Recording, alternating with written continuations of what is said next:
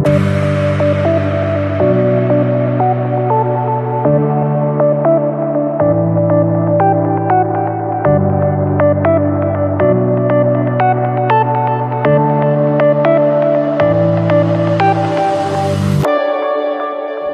datang di Green Culture Podcast, Information that transform, Difference that makes a difference. Dengan saya Eka, narator Anda dari CTSS. Ya, kali ini kita ketemu lagi di Green Culture Podcast dan hari ini kita akan ngobrol tentang green industry dengan tema peran asosiasi bisnis dalam mendorong pendanaan industri hijau sesuai dengan perpres nilai ekonomi karbon. Uh, sebelum kita mulai obrolan kita hari ini ya, sekedar mengingatkan ya, di putaran pertama Green Culture Podcast kita telah membicarakan apa yang disebut hijau dan apa yang disebut tidak hijau. Dan juga dari mana sumber hijau dan sumber tidak hijau. Di putaran kedua kita berbicara tentang bagaimana sumber hijau atau sumber tidak hijau tersebut terbentuk dari berbagai hal dan apa saja elemen pembentuk sumber tersebut. Maka tentunya selanjutnya di putaran ketiga ini adalah logis kalau kita berbicara tentang pendanaan untuk sumber tersebut. Jadi pendanaan agar sumber hijau tetap hijau ataupun pendanaan bagaimana sumber yang tidak hijau dapat diubah menjadi hijau. Nah, untuk obrolan kali ini dengan Green Industry, ada Mbak Indah dari IBCSD, Indonesian Business Council for Sustainable Development, dan narasumber adalah Mas Joko dari PKF. Saya persilahkan untuk dimulai. Ya, halo uh, Pak Eka, perkenalan dulu ya. Saya Indah dari IBCSD, saya Executive Director of IBCSD. Jadi di sini mungkin saya akan membawa warna dari private sector. Ya, terima kasih Mbak Indah. Mbak Indah ini adalah co-host dan narasumber adalah uh, Mas Joko dari BKF ya. Jadi Mbak Indah kalau ada pertanyaan kepada Mas Joko langsung ngobrol ya, saya dengerin ya. Iya Pak Eka, silakan. siap. Ya silakan Mbak Indah. Oke Pak ya. Joko, uh, mungkin saya mulai dengan ini Pak, yang baru-baru ini hangat dibicarakan ya tentang Perpres nilai ekonomi karbon. Nah, ini uh, mungkin Pak Joko bisa ceritakan gimana nih dampaknya ke private sector nih. Kemudian kalau nggak salah juga nanti akan dikembangkan kebijakan turunannya ya. Nah, terkait dengan pajak atau insentif ini gimana ke depannya sebagai dampak dari perpres tersebut. Begitu mungkin Pak Joko untuk memulai. Ya, terima kasih Mbak Indah. Uh, pertama-tama uh, mudah-mudahan sehat selalu nih Mbak Indah ya karena di masa pandemi yang paling penting sehat. Ya, betul. Mau kayak seperti Mas Eka ini kalau nggak sehat nanti bahaya juga gitu ya, karena nggak bisa dinikmati gitu. Nah, pertanyaan terkait dengan nilai ekonomi karbon memang uh, pasca pengesahan Perpres 98 ya, 2021 di Glasgow itu kan memang kemudian pemerintah bekerja keras untuk segera menyelesaikan uh, mandat uh, regulasi turunan karena mandatnya banyak banget nih gitu. Jadi kami kemudian KLHK, Marves, Kementerian Teknis, SDM, Kemendagri, Perindustrian, termasuk OJK dan Kemendak. Karena nanti juga akan bicara pembentukan bursa karbon. Karena kan pasar karbon Indonesia nanti bisa secara direct, bisa difasilitasi bursa karbon. Nah, tapi pada intinya sebetulnya keseluruhan regulasi ini nanti akan memberikan kepastian mekanisme dan tataran hukum termasuk uh, tata cara di dalam menyelenggarakan nilai ekonomi karbon ke depan. Kenapa? Karena nilai ekonomi karbon ini kan membuka dimensi baru. Kalau kita bicara isu keberlanjutan, SDG, NDC, update NDC, LTS, LCCR, net zero emisi, semuanya itu kan masih bergantung dari uh, pendanaan pemerintah, gitu ya. Meskipun sebetulnya kami uh, dengan climate budget taking setiap tahun dan sekarang teman-teman Pertamina kan kemarin di challenge juga sama Bu Menteri ya. Ayo coba Pertamina uh, bisa nggak menjalankan skema climate budget taking supaya ketahuan Pertamina berapa sih alokasi yang benar-benar terkait dengan isu climate. Karena kami sudah memulai mekanisme tersebut dan teman-teman Pertamina menindaklanjuti menindaklanjuti arahan dari Bu Menteri Keuangan juga kemudian meminta kami untuk memberikan semacam uh, uh, diskusi awal gitu terkait dengan pelaksanaan climate budget taking di Pertamina.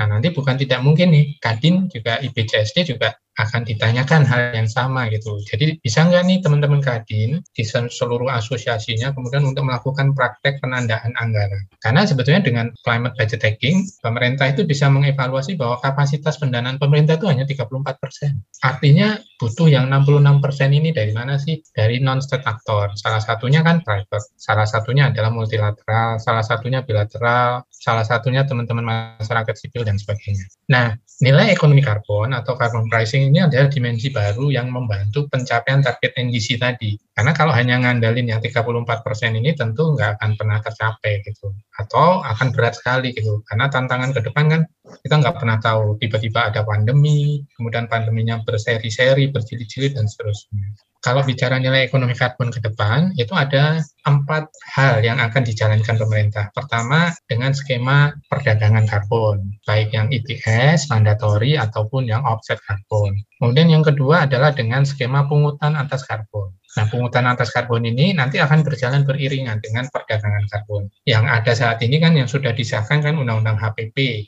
dengan skema pajak karbonnya. Tapi nanti ke depan ada skema pungutan yang lain. Karena kalau bicara pungutan atas karbon itu bisa dimensinya banyak. Ada pajak daerah, PNBP, pajak karbon, dan seterusnya. Kemudian ada skema RBP, Result Based Payment, pembayaran berbasis kinerja yang saat ini sudah banyak dilakukan juga oleh pemerintah lewat proyek Redmas Nasional ya, baik yang di Kalimantan Timur, yang dibayar oleh World Bank, kemudian yang di Jambi juga dibayar oleh World Bank sama satu di level nasional yang dibayar oleh Green Climate Fund. Nah, yang terakhir adalah skema NEC lainnya. Sekarang kita fokus ke dua skema yang pertama terkait dengan pajak karbon dan pasar karbon. Rencananya nanti dua hal ini akan berjalan beriringan. Karena apa? Keduanya akan saling menguatkan gitu. Jadi pengenaan tarif pajak karbon itu akan mendorong pergerakan harga karbon di pasar karbon. Karena kalau kita merujuk pada Undang-Undang HPP dikatakan bahwa tarif pajak karbon kan minimal 30 uh, rupiah uh, uh, apa uh, CO2 ekuivalen atau setara dengan 2 dolar. Nah, banyak publik, banyak pihak me menyampaikan bahwa kok nilai pajak karbonnya rendah banget. Kalau boleh saya katakan berarti uh, kurang cermat membacanya. Karena yang ada di undang-undang itu adalah nilai minimum tarif itu bukan tarif yang berlaku ya tapi itu tarif minimumnya tarif yang berlakunya berapa nah itu nanti yang akan kami tetapkan dengan peraturan menteri keuangan nah harapannya kalau di mekanisme yang lain, tarif pajak karbon ini memang akan selalu lebih tinggi dibandingkan harga karbon yang ada di pasar karbon. Supaya apa? Supaya semua korporasi itu bergerak melakukan perbaikan mitigasi dulu, kemudian masuk ke pasar karbon. Jadi tidak buru-buru langsung bayar pajak karbon. Jadi kalau eh, tarif pajak karbonnya terlalu rendah, memang kemudian skema harga karbon di pasar karbonnya nggak bergerak gitu. Makanya uh, di settingnya tarif pasar karbon yang berlaku nanti akan selalu lebih tinggi dibandingkan harga karbonnya. Jadi pasar karbon dengan pajak karbon ini berjalan beriringan. Nah, bagaimana dengan swasta nih, private? Apakah ini tambahan beban? Nah, mungkin perlu kami informasikan bahwa justru ini meningkatkan kompetensi dan competitiveness dari perusahaan-perusahaan di Indonesia. Karena apa? EU itu saat ini sedang merumuskan EU Green Deal. 2050 EU itu akan menetapkan sebagai uh, benua pertama yang sudah mencapai zero emisi atau karbon netral untuk satu benua ya. Nah, untuk satu benua dia karbon netral, tapi dia juga harus memperhatikan empat benua yang lain yang ternyata belum bergerak seiring dengan dia. Nah, untuk menseleksi empat benua itu dia menerapkan namanya SIBAM. Saat ini sedang maju ke Parlemen Eropa untuk pungutan pajak uh, karbon perbatasan gitulah Carbon Border Adjustment Mechanism. Di tahap awal, SIBAM ini menyasar lima industri, steel, uh, besi, baja, kemudian uh, apa uh, manufaktur yang lainnya. Begitu dia dan dia akan dimulai 2023 untuk kemudian berlaku secara penuh di 2026. Ini juga akan di uh, begitu seri satunya nanti akan disahkan, mereka akan bergerak untuk menyusun SIBAM seri-seri berikutnya dengan konsekuensi semua produk kemudian akan disibamkan gitu. Dan ini direspon oleh Amerika. Amerika juga sedang maju ke parlemen untuk menyiapkan skema pungutan perbatasan juga. Nah sekarang teman-teman bayangkan ya, kalau Indonesia kemudian tidak bereaksi, tidak mempersiapkan skema pasar karbon dan pasar karbon, barang Indonesia nggak akan ke mana-mana. Karena apa? Menjadi sangat tidak kompetitif gitu. Kita mau ke Eropa dipajakin, kita mau ke Amerika dipajakin. Nanti Asia juga bergerak, Asia Barat, Asia Timur bergerak. Akhirnya kita menjadi tidak kompetitif gitu, karena menjadi sangat mahal. Karena banyak pungutan pajak perbatasannya. Gitu. Kecuali kalau pemerintah itu sudah mengenakan rezim pajak karbon dan pajak karbon secara domestik.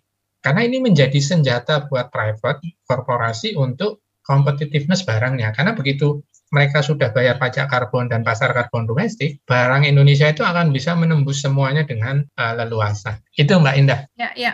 Pak, sebenarnya banyak uh, pertanyaan nih Pak Joko. Tadi mulai dari harapan uh, Kadin atau IBCSD gitu ya untuk ikut berperan serta mulai dari climate budget tagging tadi kalau nggak salah ya sampai nanti ada skema pajak karbon sama pasar karbon.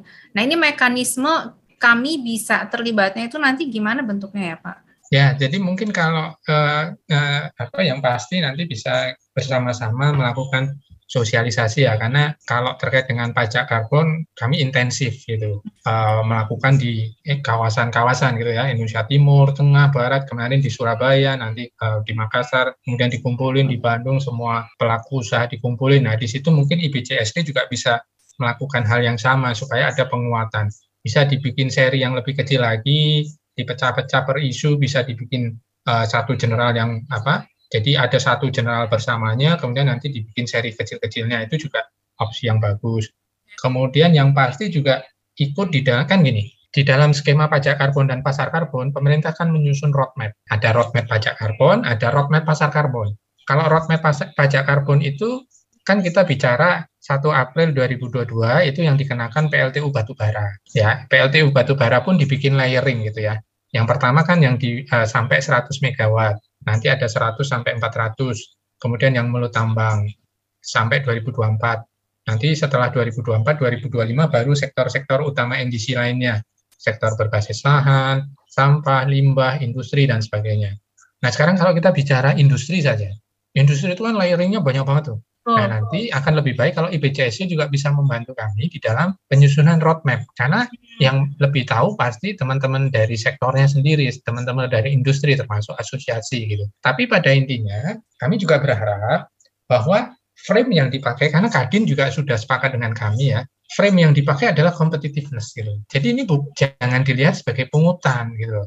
Pungutan as a pungutan, tapi dengan pungutan itu justru membuka dimensi baru bahwa produk Indonesia itu akan bisa masuk ke level internasional gitu. Karena bayangkan 2023 kalau uh, SIPAM memang baru masuk di pembahasan uh, Parlemen Eropa. Tapi bayangkan bahwa biasanya sesuatu yang ditetapkan secara di Eropa itu kan dari, uh, dari yang mereka tetapkan biasanya jadi global norm gitu ya. Jadi norma global gitu.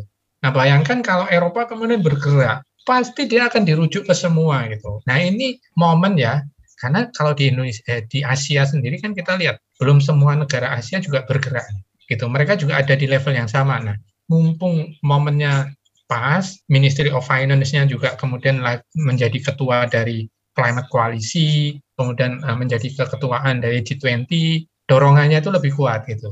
Ya, nah ini yang IPCSD kan juga ada B20 juga ya, ada B20, ada G20, ada C20 dan sebagainya.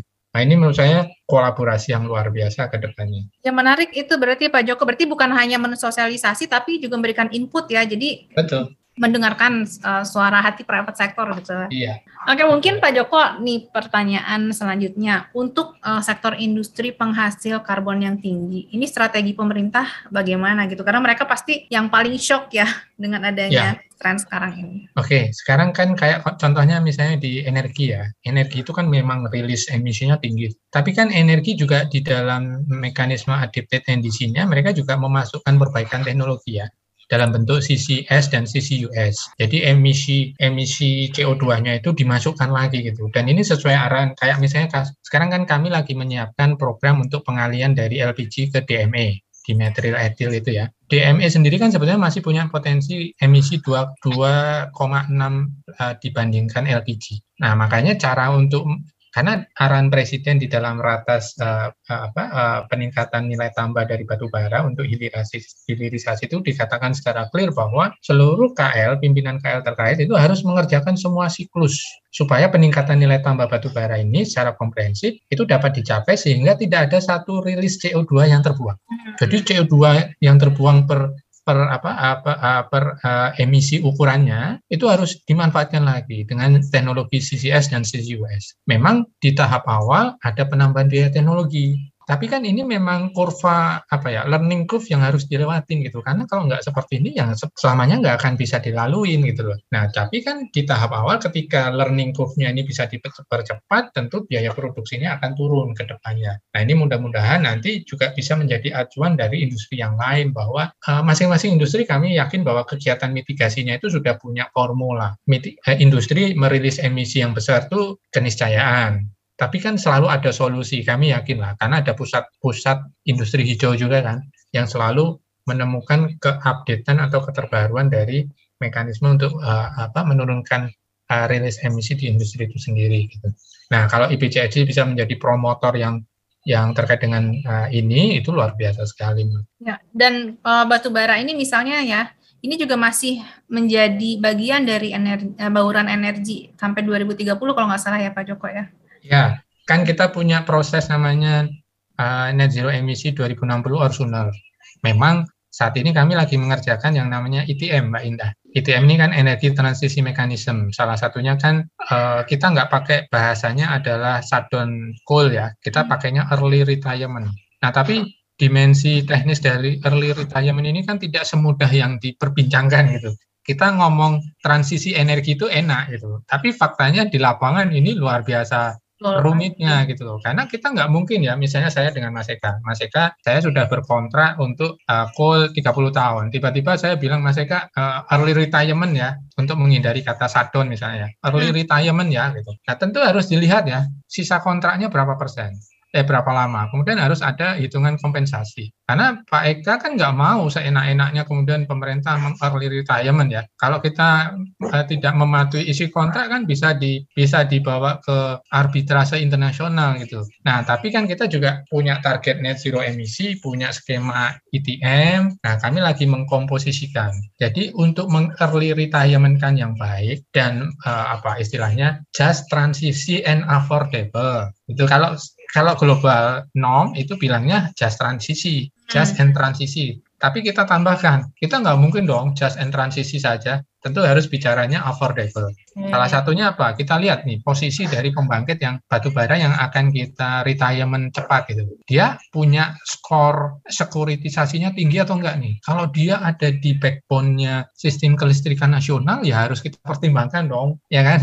Karena ganti ke EBT itu kan juga bukan SIM calabim nih. Sekarang dipensiunkan, besok udah EBT-nya jalan kan ya enggak segampang itu gitu ya. Jadi ya. harus kita lihat tuh, jangan sampai persoalan Kazakhstan misalnya itu juga juga akan terjadi gitu. Jadi memang kita harus hati-hati nih. Kita nggak perlu ikut-ikutan, kata kuncinya itu sih. Karena masing-masing negara itu sebenarnya punya diskresi, punya kewenangan sendiri. Kita yang tahu bagaimana cara merumuskan yang terbaik buat uh, kebijakan bersama. Di satu sisi komitmen itu terus harus kita pegang. Early retirement untuk net zero emisi itu suatu ke kewajiban. Tapi kita juga harus bicara affordability gitu. Makanya kompensasi nanti harus diperhitungkan, kemudian skema uh, apa uh, early retirement-nya seperti apa, apakah dengan model spin-off ya pemindahan bukuan, nilai bukunya direval dan seterusnya, atau dengan mekanisme kompensasi, atau dengan mekanisme seperti apa. Pada intinya sih jangan sampai ITM ini hanya memberatkan APBN gitu. Karena kembali lagi APBN itu kan kapasitasnya hanya 34% dan dia dipakai untuk semua urusan gitu.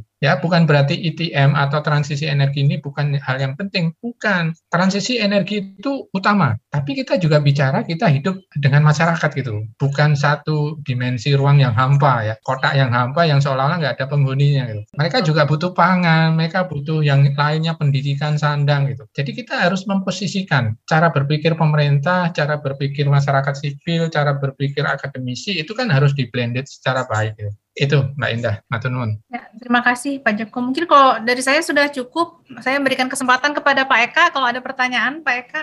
Kalau saya sih sebagai narator dan host ya, Menurut saya sih udah cukup ya. Justru saya ingin melihat ini kalau menurut Mbak Indah dan Mas Joko, kalau kita buat closing statement nih, bagaimana closing statement antara uh, private sector dan uh, pemerintah ini kira-kira gimana closing statement untuk berkolaborasi? Ya Pak Eka, kalau gitu saya tambahin ya. Boleh, boleh silakan masih ada waktu. Oke, kalau gitu uh, tadi karena diminta closing statement, tapi sebenarnya saya masih ada pertanyaan yang mengganjal. Mungkin bisa sekaligus nanti dijawab dalam closing statement, Pak Joko. Ini mengenai bagaimana asosiasi bisnis um, dapat mendorong pelaku industri untuk mengalokasikan dana dalam mewujudkan industri hijau ini. Itu mungkin Pak Joko pertanyaan terakhir. Jadi kalau kolaborasi sebetulnya sangat terbuka luas gitu ya. Karena kan pemerintah juga terus bergerak dalam mendorong isu promosi inovatif financial scheme. Salah satunya kan memanfaatkan potensi pendanaan dari private baik yang skemanya adalah CSR, filantropi ataupun uh, uh, private juga bergerak ke isu inovatif yang lain gitu. Misalnya dengan penerbitan green bond, green sukuk ya kemudian uh, apa uh, energi transisi bond. Itu sangat memungkinkan. Apalagi kan baru saja dirilis green taxonomy ya ini kan alhamdulillah nih akhirnya finally kita punya green taxonomy nah sekarang eranya perbankan juga ikut bekerja sama bekerja keras berlari seperti kami gitu. Karena selama ini kan uh, aspek fiskalnya itu terus bergerak bulldozer gitu. Kita bergerak di depan gitu kan. Sementara perbankannya kalau teman-teman bilang wah sisi perbankan kok belum optimal ya Pak ya. Nah, mudah-mudahan dengan green taxonomy kita sudah dulu punya POJK terkait dengan sustainability finance uh, sustainable financing, kemudian regulasi terkait dengan green bond. Nah, ini harapannya jadi semarak nih. Kalau saya melihatnya malah era era keemasan gitu lah. Sayang kalau ini nggak dioptimalkan. Tapi kata kuncinya tadi just and transisi and affordability gitu karena kalau nggak memikirkan affordability uh, keberlanjutan itu uh, apa menjadi sia-sia kalau masyarakatnya juga miskin gitu tapi uh, masyarakat juga sia-sia kalau mereka tidak berlanjut gitu. Jadi uh, harus bisa menemukan keberlanjutan dengan inklusivitas itu harus di dimatchkan. Itu mungkin. Terima kasih. Terima kasih Pak Joko. Gimana Mbak Indah? Sudah cukup? Sudah cukup, tapi mungkin saya mau respon juga kali ya Pak Eka. Kalau oh, silakan, silakan. Sebagai uh, membawa perspektif dari private sector ya. Ini kan isu ini uh, walaupun sudah cukup lama, tapi mungkin belum semua industri atau private sector itu paham gitu. Jadi saya dari IBCSD sebagai asosiasi bisnis berpikir mungkin informasi uh, atau tadi yang yang disampaikan ya untuk uh, menyediakan pendanaan juga ini sesuatu yang perlu lebih disosialisasikan lagi gitu kepada private sector. Jadi mungkin nanti kalau boleh saya mengundang Pak Joko untuk memberikan kayak penjelasan kepada member IBCSD atau juga Kadin uh, untuk hal-hal uh, seperti ini. Khususnya yang tadi green taxonomy itu menarik tapi mungkin nggak semua orang paham gitu ya Pak Joko. Jadi mungkin yeah, yeah. perlu dijelaskan juga uh, khususnya untuk perbankan ini gimana nih mereka bisa um, mengambil yeah. manfaat dari sini. Itu. Oke okay, jadi kalau dari sisi uh, apa green taxonomy sendiri memang harus uh, koordinasi juga dengan OJK ya karena mereka yang menerbitkan uh, green taxonomy ini meskipun kami juga terus koordinasi. Cuman satu hal yang penting bahwa green taxonomy-nya itu nanti akan merujuk pada klasifikasi usaha bisnis Indonesia gitu. Jadi kayak bicara ya, perikanan gitu, bukan hanya di level perikanan, tapi nanti ada layeringnya. Perikanan, perikanan tangkap, darat, garam, kapal nelayan dan seterusnya sampai dikaitkan dengan rambu semacam kayak rambu-rambu gitu. Jadi nanti green taxonomy itu memberikan rambu-rambu. Apakah di dalam assessment uh, apa bisnisnya uh, klasifikasi dia itu nanti masuk ke green business atau kuning atau merah gitu. Konsekuensinya pasti beda-beda ya. Kalau masuk ke green business tentu akan dipermudah. Kalau yang di kuning agak mulai waspada, kalau merah pasti akan dipersulit. Dipersulit ini bisa bermacam-macam, bisa dari sisi apa uh, uh, pinjaman, periode, grace period dan lain-lain atau persyaratan gitu. Nah, tapi ini menjadi hal yang menarik karena uh, diharapkan bisa menjadi reinforce dari kebijakan-kebijakan sektoral yang sudah dikeluarkan pemerintah hingga saat ini. Itu saja mungkin Mbak Indah. Terima kasih Mbak Joko. Ya. Saya kembalikan lagi ke Pak Eka. Ya, uh, terima kasih Mbak Indah sama Mas Joko atas pemaparannya hari ini dan ternyata PR-nya masih banyak ya. Jadi saya berharap sih kolaborasi antara private sector dan Kemenq atau pemerintah ya, luasnya akan terus berjalan ya Mbak Indah ya. Gimana caranya supaya kita tetap bisa kompetitif di luar, bersaing, dan melalui menjadi hijau ini. Uh, sekian uh, Green Culture Podcast kali ini para pendengar dan uh, tunggu untuk podcast Green Culture kita berikutnya. Terima kasih. Terima kasih. Terima kasih.